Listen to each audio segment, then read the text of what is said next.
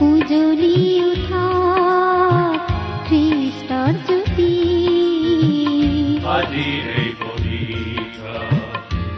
ভক্তিবচন অনুষ্ঠানৰ মজিয়ালৈ আপোনাক স্বাগতম প্ৰিয় শ্ৰোতা। ভক্তিবচন অনুষ্ঠানত আপোনাক পুনৰ লগ পাই আমি নথৈ আনন্দিত। আশা কৰো এই অনুষ্ঠানত প্ৰচাৰ হোৱা বাক্যসমূহে আপোনাৰ ব্যক্তিগত জীৱনত অলপ হলেও সহায় কৰিছে। ঈশ্বৰ এগৰাকী সৰ্বশক্তিশালী ব্যক্তি। তেওঁ পৃথিৱী আকাশমণ্ডল আৰু সৌৰজগতৰ সকলোকে নিজৰ ইচ্ছাৰে আৰু পৰাক্ৰমেৰে শৃংখলাবদ্ধভাৱে স্থিৰ কৰি থৈছে। তেওঁ প্ৰতিটো বিষয়কে একো একোটা নিয়মৰ অৰ্থাৎ নিজ নিজ সীমাৰ অন্তৰ্ভুক্ত কৰি ৰাখিছে। সেইকাৰণে সকলোবোৰ সুন্দৰকৈ চলি আছে। সেইবোৰৰ এটা বিষয়েও যদি নিজ নিয়মক চেৰাই যাবলৈ ধৰে তেন্তে সকলোবোৰ খেলি মেলি অৰ্থাৎ ধ্বংস হ'ব। আমাৰ জীৱনবোৰো তেনেকুৱা। আপোনাৰ মোৰ জীৱনটোকো ঈশ্বৰে বৰ সুন্দৰকৈ শৃংখলাবদ্ধভাৱে মংগলৰ আঁচনিৰে সজাই ৰাখিছে। ঈশ্বৰৰ পৰাক্ৰমী সুৰক্ষাৰ তলত আপোনাৰ জীৱন সদায় সুৰক্ষিত। তেওঁত আশ্ৰয় ললে আপুনি জীৱনৰ প্ৰকৃত আনন্দ বিচাৰি পাব। তেওঁৰ বাক্যই আপোনাক তেওঁৰ বিষয়ে আৰু অধিককৈ জানিবলৈ সহায় কৰাৰ আশাৰে এয়া আপোনালৈ আগবঢ়াইছো। ভক্তি বচন। অকলে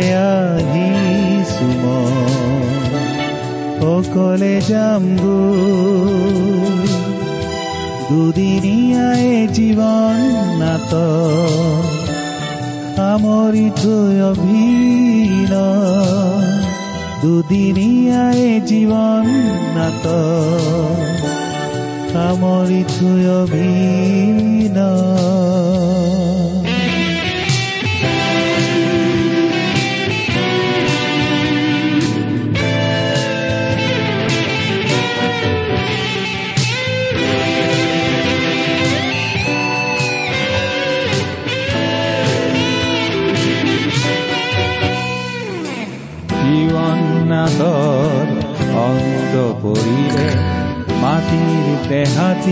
মাটিতে মিলিলে জীৱন অন্ত পৰিলে। মাটিৰ দেহাতি মাটিতে মিলিলে ধনৰ টুকুলা বিলাসী বঙলা ধনৰ টুকুলা বিলাসী বঙলা যাম সকলোকে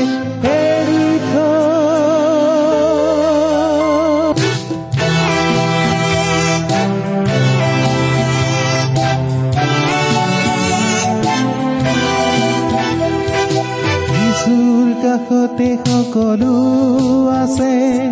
নম্ৰ মনেৰে আহো বিশ্বাসেৰে। যিচুৰ কাষতে সকলো আছে। নম্ৰ মনেৰে আহো বিশ্বাসেৰে। তেওঁতে জিৰণি পায় আজি মোৰ। মৰণলৈ একো ভয় নাই। অকলে আহিছো অকলে যাম অকলে আহিছো অকলে যাম গৈ। দুদিনীয়াই জীৱন নাট সামৰি থৈ অভিন দুদিনীয়াই জীৱন নাট সামৰি থৈ অভিন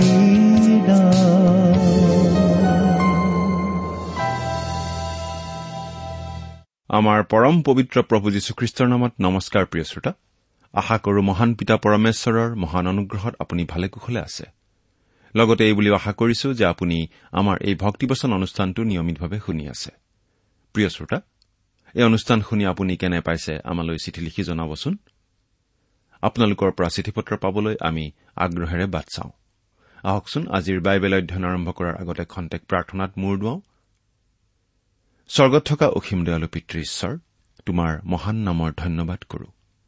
তুমি মহান তুমি কৰুণাময় তুমি অনুগ্ৰহৰ আকৰ। তোমাৰ অনুগ্ৰহতেই আজি আমি প্ৰভু যীশুত বিশ্বাস কৰি পৰিত্ৰাণ পাব পৰা হৈছো। তোমাক পিতৃ বুলি মাতিব পৰা হৈছো।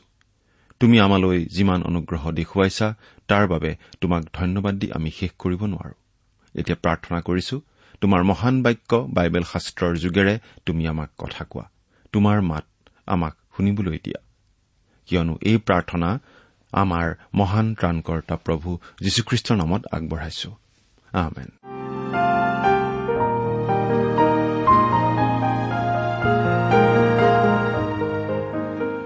প্ৰিয় শ্ৰোতা আপুনি বাৰু আমাৰ এই ভক্তিবচন অনুষ্ঠানটো নিয়মিতভাৱে শুনি আছেনে? যদি শুনি আছে তেনেহলে আপুনি নিশ্চয় জানে যে আমি আজি ভালেমান দিন ধৰি বাইবেলৰ পুৰণি নিয়ম খণ্ডৰ যিচয়া ভাৱবাদীৰ পুস্তকখন অধ্যয়ন কৰি আছো। যোৱা অনুষ্ঠানত আমি এই যিচয়া ভাৱবাদীৰ পুস্তকৰ আঠত্ৰিশ নম্বৰ অধ্যায়ৰ আঠ নম্বৰ পদলৈকে আমাৰ আলোচনা আগবঢ়াইছিলো। যিচয়া আঠত্ৰিশ নম্বৰ অধ্যায়ৰ ন নম্বৰ পদৰ পৰা আমি আজি আমাৰ আলোচনা আৰম্ভ কৰিম। এই যিচয়া আঠত্ৰিশ নম্বৰ অধ্যায়ৰ ন নম্বৰ পদৰ পৰা বাইশ নম্বৰ পদলৈকে অৰ্থাৎ শেষ পদলৈকে আমি পাওঁ মৃত্যুৰ মুখলৈ টানি নিয়া কঠিন নৰিয়াৰ পৰা সুস্থ হৈ উঠাৰ পাছত হিচকিয়া ৰজাই ঈশ্বৰৰ প্ৰশংসা গোৱাৰ এটি সুন্দৰ কবিতা। আমি বাইবেলৰ পৰা পাঠ কৰি দিব খুজিছো প্ৰথমতে ন নম্বৰ পদ। জিহুদাৰ হিচকিয়া ৰজাই নৰিয়া পৰি সুস্থ হোৱাৰ পাছত যি যি লিখিছিল সেয়ে এই। এই পদটোৰ পাছৰ পদবিলাকত মৃত্যুৰ দুৱাৰ দলিলৈকে আগবঢ়া এজন অভিজ্ঞ ব্যক্তিৰ দ্বাৰাই ৰচিত এটা গভীৰ গৱেষণামূলক লিখনি পোৱা যায় অপৰাজেয় মৃত্যুৰ বিষয়ে। বহুতে বিশ্বাস কৰে যে এই সময়ছোৱাতেই হিচকিয়াই গীতমালাৰ এশ ষোল্ল নম্বৰ গীতটো ৰচনা কৰিছিল। এতিয়া কথা হ'ল তেওঁৰ জীৱনৰ বৰ্ধিত বয়স বিচাৰি হিচকিয়াই ঠিক কাম কৰিছিল নে বাৰু? আপুনি কি ভাবে প্ৰিয় শ্ৰোতা? আমি এতিয়া এই প্ৰশংসা গীতৰ দহ নম্বৰ পদৰ পৰা একেবাৰে বিশ নম্বৰ পদলৈকে পাঠ কৰো হওক মই কৈছিলো মোৰ আয়ুসৰ সোঁ বয়সত মই চিউলৰ দুৱাৰত সোমাম মোৰ আয়ুসৰ অৱশিষ্ট ভাগৰ পৰা মই বঞ্চিত হলো। মই কৈছিলো মই জিহুৱাক জীৱিত লোকৰ দেশত জিহুৱাক আৰু দেখিবলৈ নাপাম। জগত নিবাসীবিলাকৰ লগত মই মনুষ্যক আৰু নেদেখিম। মেৰ ৰখীয়াৰ তম্বুৰ নিচিনাকৈ মোৰ নিবাস উঘলা হৈ মোৰ পৰা নিয়া হল। মই তাঁতিৰ দৰে মোৰ আয়ুস নুৰিয়ালো। তেওঁ মোক তাঁতৰ পৰা কাটি পেলাব। এদিন এৰাতিৰ ভিতৰত তুমি মোক শেষ কৰিবা। মই ৰাতিপুৱালৈকে নিজম দি আছিলো। সিংহৰ দৰে তেওঁ মোৰ আটাইবোৰ হাৰ ভাঙিছে। এদিন এৰাতিৰ ভিতৰতে তুমি মোক শেষ কৰিবা। মই তেল টুপি বা বগলীৰ নিচিনাকৈ চিচিয়াই আছো। কপৌৰ নিচিনাকৈ শোক ধ্বনি কৰিছো। ওপৰলৈ চাওঁতে চাওঁতে মোৰ চকু দুৰ্বল হল। হে জিহুৱা মই উপদ্ৰৱ পাইছো। তুমি মোৰ জামিন হোৱা। মই কি কম? তেওঁতো মোক অংগীকাৰ বাক্য কলেই তাক নিজে সিদ্ধও কৰিলে। জীয়াই থাকো মানে মোৰ মনৰ বেজাৰ সোঁৱৰণ কৰি মই ধীৰে ধীৰে চলিম। হে প্ৰভু এইবোৰৰ দ্বাৰাই লোকবিলাক জীয়াই থাকে আৰু কেৱল এইবোৰৰ দ্বাৰাই মোৰ আত্মাই জীৱন লাভ কৰে। এই হেতুকে তুমি মোক আৰোগ্য কৰি জীয়াই ৰাখা। চোৱা মই যে অতি বেজাৰ পাইছিলো সেয়ে মোৰ শান্তিৰ নিমিত্তে হৈছিল আৰু তুমি মোৰ প্ৰাণক প্ৰীতি কৰি তাক বিনাশৰ গাঁতৰ পৰা ৰাখিলা। কিয়নো তুমি মোৰ সকলো পাপ তোমাৰ পাছলৈ পেলালা কাৰণ চিউলে তোমাক প্ৰশংসা কৰিব নোৱাৰে মৃত্যুৱে তোমাৰ স্তুতি কৰিব নোৱাৰে গাঁতলৈ নামি যোৱাবিলাকে তোমাৰ সত্যলৈ আশা কৰিব নোৱাৰে। আজি মই যেনেকৈ কৰিছো তেনেকৈ জীয়া লোকে জীৱিত লোকেহে তোমাৰ স্তুতিগান কৰিব। পিতৃয়ে সন্তানবিলাকক তোমাৰ সত্যতা জনাব জিহুৱাই মোক পৰিত্ৰাণ কৰিবলৈ যুগুত আছে। এই হেতুকে আমি জীয়াই থাকো মানে জিহুৱাৰ গৃহত তাঁৰযুক্ত যন্ত্ৰেৰে গীত গাম। প্ৰিয় টান নৰিয়াৰ পৰা ঈশ্বৰে ৰক্ষা কৰি হিচকিয়াক সম্পূৰ্ণ সুস্থতা দান কৰাৰ পাছত তেওঁৰ অন্তৰ কৃতজ্ঞতা আৰু প্ৰশংসাৰে ভৰি পৰিছিল। তেওঁৰ অন্তৰৰ ঈশ্বৰৰ প্ৰতি যি প্ৰশংসা আৰু স্তুতিগীত সেই গীত তেওঁ জৰুৰ বাদ্য বাজনা সৈতে গাইছিল। কিন্তু বৰ দুখৰ কথা যে নৰিয়া সুস্থ হোৱাৰ পাছত হিচকিয়া হ'ব লাগিছিল নম্ৰ আৰু ভাবুক। কিন্তু তেওঁ অহংকাৰী আৰু মদগৰ্বী হৈ উঠিছিল। বংশাৱলী পুস্তকত তেওঁৰ ক্ষেত্ৰত ঈশ্বৰৰ মতামত আমি এইদৰে পাওঁ। কিন্তু হিচকিয়াই পোৱাক উপকাৰ অনুসাৰে প্ৰতিদান নকৰিলে। কিয়নো তেওঁৰ মন গৰ্বী হল। এই হেতুকে তেওঁৰ জিহুদাৰ আৰু জিৰচালেমৰ ওপৰত জিহুৱা ক্ৰুদ্ধ হল। দ্বিতীয় বংশাৱলী বত্ৰিশ নম্বৰ অধ্যায় পঁচিছ নম্বৰ পদ। সেয়ে কিছুমান বাইবেল শিক্ষক আৰু ছাত্ৰ ছাত্ৰীসকলে ভাবে যে জীৱনত অধিক বয়স বঢ়াই লৈ হিচকিয়াই ভুল কৰিছিল কাৰণ তেওঁৰ জীৱনৰ সেই বৰ্ধিত বয়সে তেওঁৰ মন গৰ্বী কৰি তুলিছিল। প্ৰিয় শ্ৰোতা মানুহ যে মানুহেই সেই মুহূৰ্তৰ ভিতৰতেই ঈশ্বৰৰ পৰা লাভ কৰা আশীৰ্বাদ পাহৰি পেলায় আৰু তেওঁৰ পৰা আঁতৰি যায়। আপুনি ভাবিব পাৰে যে ঈশ্বৰৰ পৰা আশীৰ্বাদ লাভ কৰা মানুহে অধিককৈ ঈশ্বৰৰ কাষ চাপে কিন্তু সেইটো সদায় শুদ্ধ ধাৰণা নহয়। ছয়তান সঁচাকৈয়ে ছয়তান। সি মানুহৰ চিত্ৰ ভুতুহা কৰাত বৰ পাকৈত। আপোনালোকৰ এই অযোগ্য দাসে নিজে দেখিছো কেনেকৈ এগৰাকী অখ্ৰীষ্টীয় আইনজ্ঞৰ এক প্ৰকাৰৰ দুৰাৰোগ্য ৰোগ প্ৰভু যীশুৰ নামত কৰা প্ৰাৰ্থনাৰ দ্বাৰাই সুস্থ হৈছিল। সুস্থ হোৱাৰ পাছত প্ৰভুৰ চৰণত শৰণ লোৱা দূৰৰেই কথা। এতিয়া তেওঁ খ্ৰীষ্টীয় লোকসকলৰ সৈতে উঠা বহা নকৰে। শুনিছো যে তেখেতৰ ভাৰ্যায়ো তেখেতক খ্ৰীষ্টীয় লোকসকলৰ সংস্পৰ্শৰ পৰা আঁতৰি থাকিবলৈ জোৰ পৰামৰ্শ দিয়ে। হিচকিয়া ৰজাৰ ক্ষেত্ৰতো সেইটো হৈছিল। গতিকে বহু বাইবেল শিক্ষক আৰু ছাত্ৰ ছাত্ৰীসকলে ভাবে যে জীৱনত বৰ্ধিত বয়স বিচাৰি লৈ হিচকিয়াই ভুল কৰিছিল। তেওঁৰ বৰ্ধিত বয়সৰ আৰু এটা বেয়া কথা হৈছিল। তেওঁৰ এই বৰ্ধিত বয়সৰ কালচোৱাতেই তেওঁৰ পুত্ৰ মনচিৰ জন্ম হৈছিল। হিচকিয়াৰ মৃত্যুৰ সময়ত তেওঁৰ পুত্ৰ মনচি ৰজা হৈছিল। যেতিয়া তেওঁ মাত্ৰ বাৰ বছৰ বয়সৰ সৰু ল'ৰা আছিল।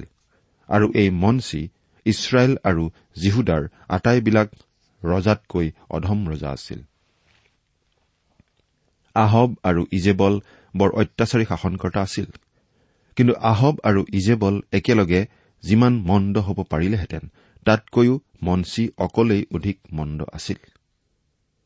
তেওঁ মন্দৰ সীমা চেৰাই যোৱাৰ কাৰণেই তেওঁৰ ৰাজত্বৰ কালতেই জিহুৱা ঈশ্বৰৰ চেখাইনা গৌৰৱ আঁতৰি গৈছিল। মন্দিৰৰ পৰা ঈশ্বৰৰ সেই গৌৰৱ আঁতৰি গৈছিল। সেয়ে বহুতে ভাবে যে হিচকিয়া যি সময়ত মৃত্যু হোৱাৰ সময় হৈছিল সেইখিনি সময়তেই তেওঁৰ মৃত্যু হোৱা হলে। মনচিৰ জন্মও নহলহেঁতেন আৰু তেওঁ সৰুকালৰে পৰা ৰজা হৈ ইমান জ্ঞানহীন ৰজা হোৱাৰো প্ৰয়োজন নহলহেঁতেন। নৰিয়া সুস্থ হোৱাৰ পাছত হিচকিয়াই কি মূৰ্খামি কৰিছিল তাক আমি ইয়াৰ পাছৰ অধ্যায়টোত পাম। হিচকিয়াৰ সুস্থতাৰ কাৰণে কি কৰা হৈছিলনো বাৰু? জিচয়াই হিচকিয়াৰ গাৰ ওপৰত হাত থৈ চিঞৰি চিঞৰি প্ৰাৰ্থনা কৰিছিল নে? নাইবা প্ৰাৰ্থনা কৰি কৰি এনেভাৱে হিচকিয়াক হেঁচা মাৰি ধৰিছিল নে যাৰ ফলত হিচকিয়া মাটিত ঢলি পৰিবলগীয়া হৈছিল? নাই সেইবোৰৰ কোনোটোকেই কৰা হোৱা নাই। জিচয়াই কি কৰিলে? আঠত্ৰিশ নম্বৰ অধ্যায়ৰ একৈশ নম্বৰ পদটোৰ পৰা শুনিবচোন। জিচয়াই কলে ডিমৰু গুটি এলদা আনি ঘাঁহটোৰ ওপৰত পুলটিছ লগাই দিয়া যাওক আৰু তেওঁ সুস্থ হ'ব। অৰ্থাৎ জাকুবে তেওঁৰ পত্ৰখনত কৰিবলৈ কোৱাৰ দৰেই জিচয়ায়ো কৰিবলৈ পৰামৰ্শ আগবঢ়াইছিল। জাকুবে পৰামৰ্শ দি এনেদৰে কৈছে কোনোবা নৰিয়া পৰিছেনে? তেওঁ মণ্ডলীৰ বৃদ্ধ লোকক মাতক। আৰু তেওঁবিলাকে প্ৰভুৰ নামেৰে তেওঁৰ গাত তেল ঘঁহি তেওঁৰ কাৰণে প্ৰাৰ্থনা কৰক। জাকুব পাঁচ নম্বৰ অধ্যায়ৰ চৈধ্য নম্বৰ পদ। ৰোগীসকলৰ কাৰণে দুটা কাম কৰিবলৈ জিচয়া আৰু জাকুবে পৰামৰ্শ দিছে। যোগ্যজনৰ দ্বাৰাই প্ৰাৰ্থনা কৰাব লাগে আৰু ঔষধ ব্যৱহাৰ বা চিকিৎসাৰ ব্যৱস্থা ল'ব লাগে। ৰোগীৰ গাত তেল ঘঁহা নীতিটো কোনো আনুষ্ঠানিক নীতি বা ধৰ্মীয় নীতি নাছিল। তেল সদায়েই সুস্থতাৰ কাৰণে অৰ্থাৎ ঔষধৰ কাৰণে ব্যৱহাৰ কৰা হৈছিল। গতিকে ঈশ্বৰে জিচয়া আৰু জাকুবৰ জৰিয়তে ৰোগীৰ ক্ষেত্ৰত একেধৰণৰ পৰামৰ্শ আগবঢ়াইছিল। অৰ্থাৎ আপুনি যেতিয়া ৰোগত পৰে প্ৰাৰ্থনা কৰক আৰু লগে লগে চিকিৎসকৰ দ্বাৰা চিকিৎসাও লওক। ঈশ্বৰে দিয়া জ্ঞান যেন আমি ব্যৱহাৰ কৰো সেইটো ঈশ্বৰে আমাৰ পৰা বিচাৰে। এতিয়া আমি ঊনচল্লিছ নম্বৰ অধ্যায়টোৰ পৰা কিছু আলোচনা কৰো হওক এই অধ্যায়টোত কেৱল আঠটাহে পদ আছে। অধ্যায়টোত নিজৰ মূৰ্খামীৰ কাৰণে হিচকিয়া কেনেকৈ ঠগ খাইছিল সেই বিষয়ে আমি পাওঁ। এতিয়া আমি দেখা পাম যে কালক্ৰমত ওচৰীয়া নহয় কিন্তু বাবিলিয়াসকলহে জিহুদাৰ শত্ৰু হ'বগৈ। সেইখিনি সময়ত বাবিল ইউফ্ৰেটিছ নৈৰ পাৰৰ সংগ্ৰাম কৰি থকা নগৰ আছিল। যুঁজি যুঁজিও ওচৰীয়াসকলক তেওঁলোকে পৰাস্ত কৰিব পৰা নাছিল। কিন্তু পৰজাতিবিলাকৰ সময়ত বাবিল সোণৰ বৃহৎ মূৰটো হ'বলগীয়া আছিল আৰু সেইটোৰ কাৰণেই এই অধ্যায়টো এটা তাৎপৰ্যপূৰ্ণ অধ্যায়। এই অধ্যায়টোৱে হিচকিয়াৰ জীৱনৰ ডাঙৰ ভুল আৰু তেওঁৰ দুৰ্বলতাৰ বিষয়ে প্ৰকাশ কৰে। প্ৰিয় শ্ৰোতা সদায় আমি মনত ৰখা উচিত যে আমাৰ আধ্যামিক জীৱনৰ বিজয়ৰ পাছতেই আমাৰ জীৱনৰ আটাইতকৈ মন্দ পৰাজয়বোৰ আহে।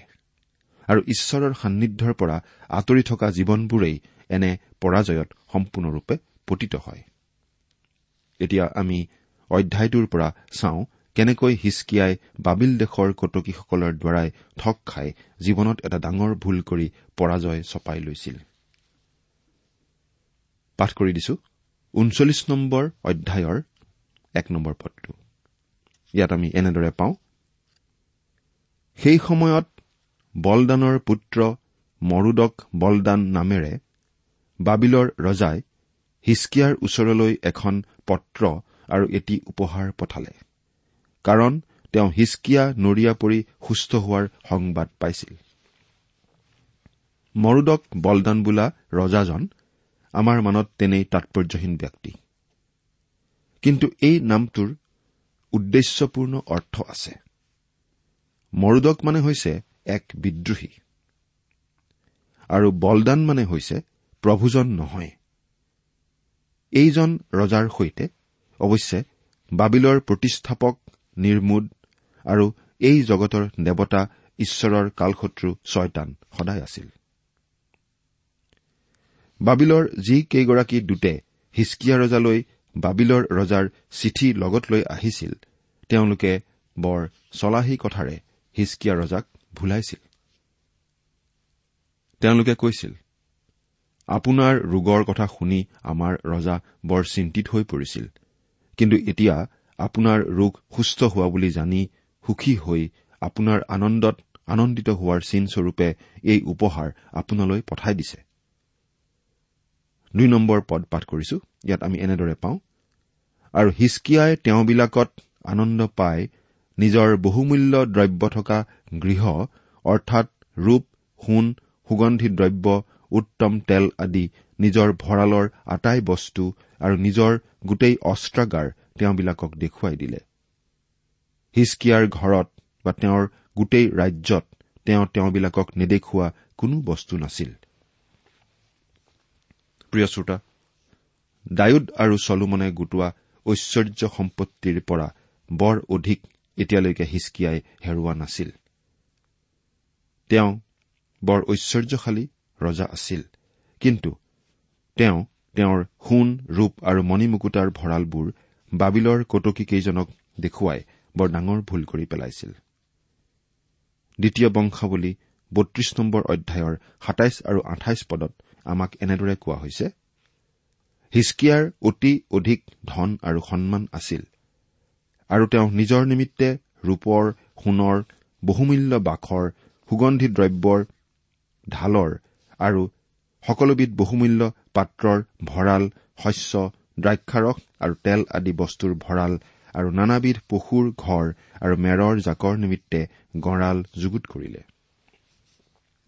হিচকিয়াই যিদৰে বাবিলৰ কটকীকেইজনক অভ্যৰ্থনা জনালে সেয়া আমোদজনক।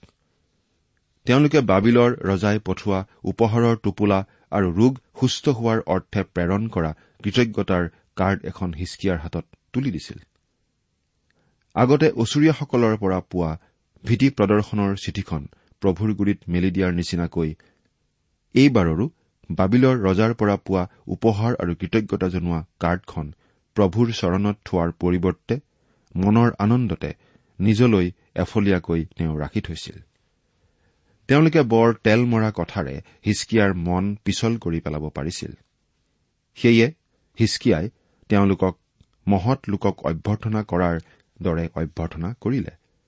তেওঁ তেওঁলোকক বৰ আঠে বেঠে জিৰচালেমৰ চাৰিওফালে নি চলোমনৰ দিনৰে পৰা গোটোৱা আটাইবিলাক সোণ ৰূপ আৰু মণি মুকুতাৰ সকলোবোৰ ভঁৰাল দেখুৱাই দিলে। বাবিলৰ ৰজাৰ কটকীকেইজনে বাবিললৈ ঘূৰি গৈ এই সকলোবিলাকৰ বিষয়ে বিশদ খবৰ ৰজাক জনালে। হিচকিয়াই তাকে কৰি তেওঁৰ জীৱনত এটা ডাঙৰ ভুল কৰিলে আৰু তেওঁ যি ভুল কৰিলে সেই ৰিচয়াই শুনা পালে। তিনি নম্বৰ পদ আৰু যিচয়া ভাৱবাদীয়ে হিচকিয়া ৰজাৰ ওচৰলৈ আহি সুধিলে সেই মানুহকেইজনে কি কি কলে? আৰু আপোনাৰ ওচৰলৈ ক'ৰ পৰা আহিল? আৰু হিচকিয়াই কলে তেওঁলোক দূৰ দেশ বাবিলৰ পৰা মোৰ ওচৰলৈ আহিল। হিচকিয়াই ভাবিছিল তেওঁ বৰ ভাল কামকেই কৰিছিল। কিন্তু যিচয়াই জানিছিল যে হিচকিয়াই বিপদ চপাই লৈছিল। আৰু যিচয়াই সুধিলে আপোনাৰ গৃহত তেওঁলোকে কি কি দেখিলে? হিচকিয়াই কলে মোৰ গৃহত থকা সকলোকে দেখিলে। মোৰ বহুমূল্য দ্ৰব্যৰ মাজৰ মই তেওঁলোকক নেদেখুওৱা কোনো বস্তুৱেই নাই। এয়া হিচকিয়াই বৰ মূৰ্খামীৰ কাম কৰিলে। নিজৰ বিপদ নিজেই চপাই ললে। পাঁচ নম্বৰ পদৰ পৰা সাত নম্বৰ পদ পাঠ কৰি দিছো। তেতিয়া যিচয়াই হিচকিয়াক কলে বাহিনীবিলাকৰ জিহুৱাৰ বাক্য শুনক। চাওক আপোনাৰ গৃহত যি যি আছে আৰু আপোনাৰ পূৰ্বপুৰুষবিলাকে সাঁচি থৈ যোৱা যি যি বস্তু আজিলৈকে আছে সেই সকলোকে বাবিললৈ নিবৰ দিন ওচৰ চাপিছে। সেইবোৰৰ অলপো অৱশিষ্ট নাথাকিব। ইয়াক জিহুৱাই কৈছে আপোনাৰ ঔৰসত যি যি সন্তান জন্মিব তেওঁলোকৰ মাজৰ কিছুমানক লৈ যোৱা হ'ব আৰু তেওঁলোক বাবিলৰ ৰাজগৃহত নপুংসক দাস হ'ব। হিচকিয়া বৰ বেয়াকৈ প্ৰতাৰিত হৈছিল। তেওঁ সেই অচিনাকি বাবিলীয়া লোককেইজনক তেওঁৰ নিজৰ সোণ ধনৰ ভঁৰাল কেতিয়াও দেখুৱাব নালাগিছিল। যিচয়াই যি ভাৱবাণী দিছিল সেয়া আখৰে আখৰে সিদ্ধ হৈছিল। দ্বিতীয় ৰজা বুলি চৌব্বিছ আৰু পঁচিছ নম্বৰ অধ্যায় আৰু দানিয়েল এক নম্বৰ অধ্যায়ত এই বিষয়ে পোৱা যায়। এতিয়া আঠ নম্বৰ পদটো পাঠ কৰি দিম। তেতিয়া হিচকিয়াই যিচয়াক কলে আপুনি জিহুৱাৰ যি বাক্য কলে সেয়ে উত্তম। তেওঁ আৰু কলে কিয়নো মোৰ দিনত মংগল আৰু সত্য থাকিব। ভাৱবাদীগৰাকীক হিচকিয়া ৰজাই যি উত্তৰ দিছিল সেয়া আছিল বৰ অদ্ভুত উত্তৰ। আচলতে তেওঁ এই অৰ্থনিহিত উত্তৰ দিছিল।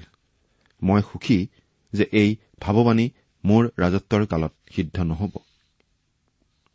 তেওঁ সুখী হৈছিল যে এই ভাৱবাণী তেওঁৰ দিনত সিদ্ধ নহ'ব।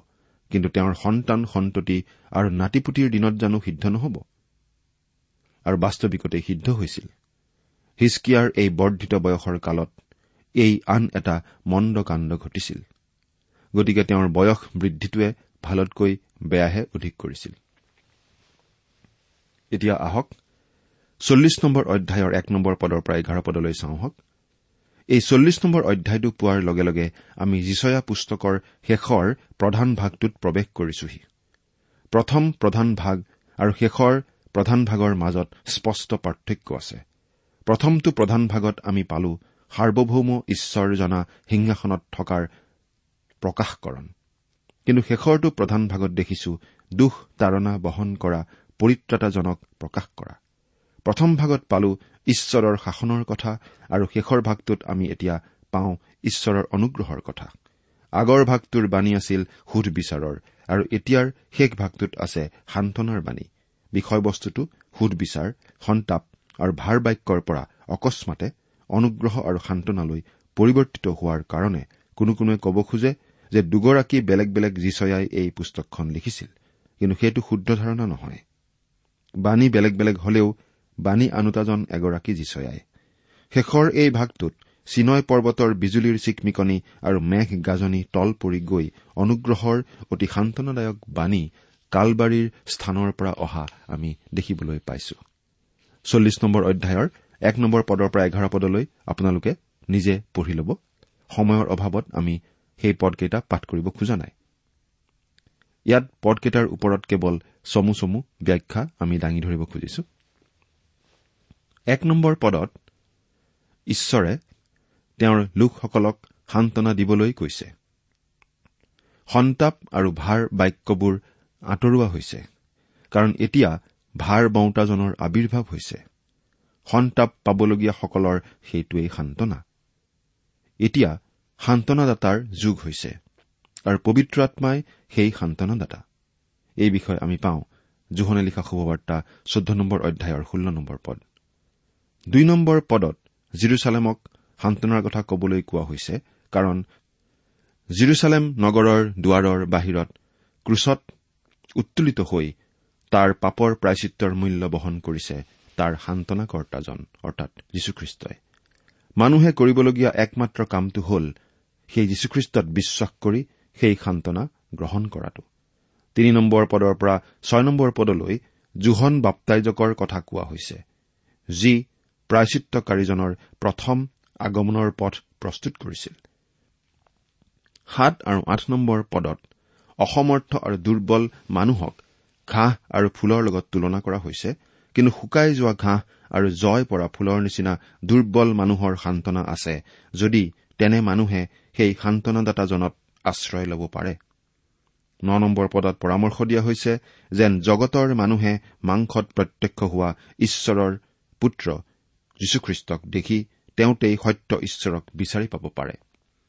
দহ পদত সেইজনা সান্তনাদাতাৰ প্ৰথম আৰু দ্বিতীয় দুয়োটা আগমনৰ কথা কোৱা হৈছে। এঘাৰ পদত কোৱা হৈছে সেইজনা সান্তনাদাতা তেওঁৰ প্ৰথম আগমনত সজ মেৰ পালকৰ ৰূপত আহিব। আজিৰ পৰা দুহেজাৰ বছৰৰ পূৰ্বে সেইদৰে তেওঁ আহিল। তেওঁ আজি আপোনাৰ আৰু মোৰ সজ মেৰ ৰখীয়া হওক। ঈশ্বৰ আপোনাক আশীৰ্বাদ কৰক। প্ৰিয় শ্ৰোতা ইমান পৰে আপুনি বাইবেল শাস্ত্ৰৰ পৰা ঈশ্বৰৰ বাক্য শুনিলে। এই বিষয়ে আপোনাৰ মতামত জানিবলৈ পালে আমি নথৈ আনন্দিত হ'ম। আমি প্ৰস্তুত কৰা বাইবেল অধ্যয়নৰ চিডিসমূহ পাব বিচাৰিলে আৰু অনুষ্ঠানত প্ৰচাৰ কৰা কোনো কথা বুজিব লগা থাকিলেও আমালৈ লিখক। আমাৰ যোগাযোগৰ ঠিকনা ভক্তিবচন ট্ৰান্সৱৰ্ল্ড ৰেডিঅ' ইণ্ডিয়া ডাক বাকচ নম্বৰ সাত শূন্য গুৱাহাটী সাত আঠ এক শূন্য শূন্য এক। ঠিকনাটো আকৌ এবাৰ কৈছো ভক্তিবচন ট্ৰান্স ৱৰ্ল্ড ৰেডিঅ' ইণ্ডিয়া ডাক বাকচ নম্বৰ সাত শূন্য গুৱাহাটী সাত আঠ এক শূন্য শূন্য এক। আমাৰ ইমেইল এড্ৰেছটো হৈছে Assamese T TV at the rate radio' eight eight two dot com. আমাৰ website W W W dot T W R dot in. আপুনি টেলিফোনৰ মাধ্যমেৰেও আমাক যোগাযোগ কৰিব পাৰে। আমাৰ টেলিফোন নম্বৰটো হৈছে nine eight five four zero' four zero' eight eight nine. Phone নম্বৰটো আকৌ এবাৰ কৈছো ন আঠ পাঁচ চাৰি শূন্য চাৰি শূন্য আঠ আঠ ন। আপুনি এই ভক্তিবচন অনুষ্ঠানটি আমাৰ website W W W dot radio' eight eight two dot কমতো শুনিব পাৰিব। আজিৰ অনুষ্ঠানটি ইমানতেই সামৰিছো। ঈশ্বৰৰ শান্তি আৰু অনুগ্ৰহ আপোনাৰ লগত থাকক। ধন্যবাদ। তোমাৰ যিচুৰ বাদে কোনো নাই।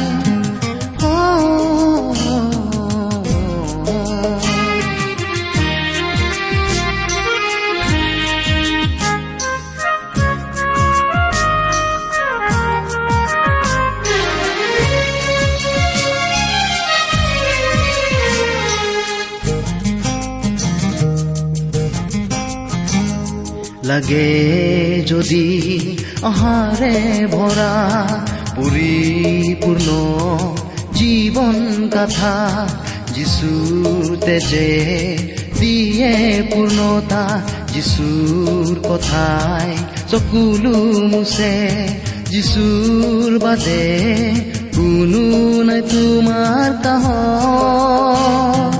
মনেৰে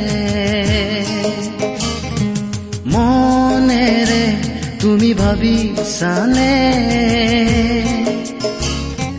কোনো নাই কুতুমৰ কতো নাই জগতৰ যিচুৰ বাদে কোনো নাই। কোনো নাই কুতুমৰ কতো নাই জগতৰ যিচুৰ বাদে কোনো নাই। যিচুৰ বাদে কোনো নাই। যিচুৰ বাদে কোনো নাই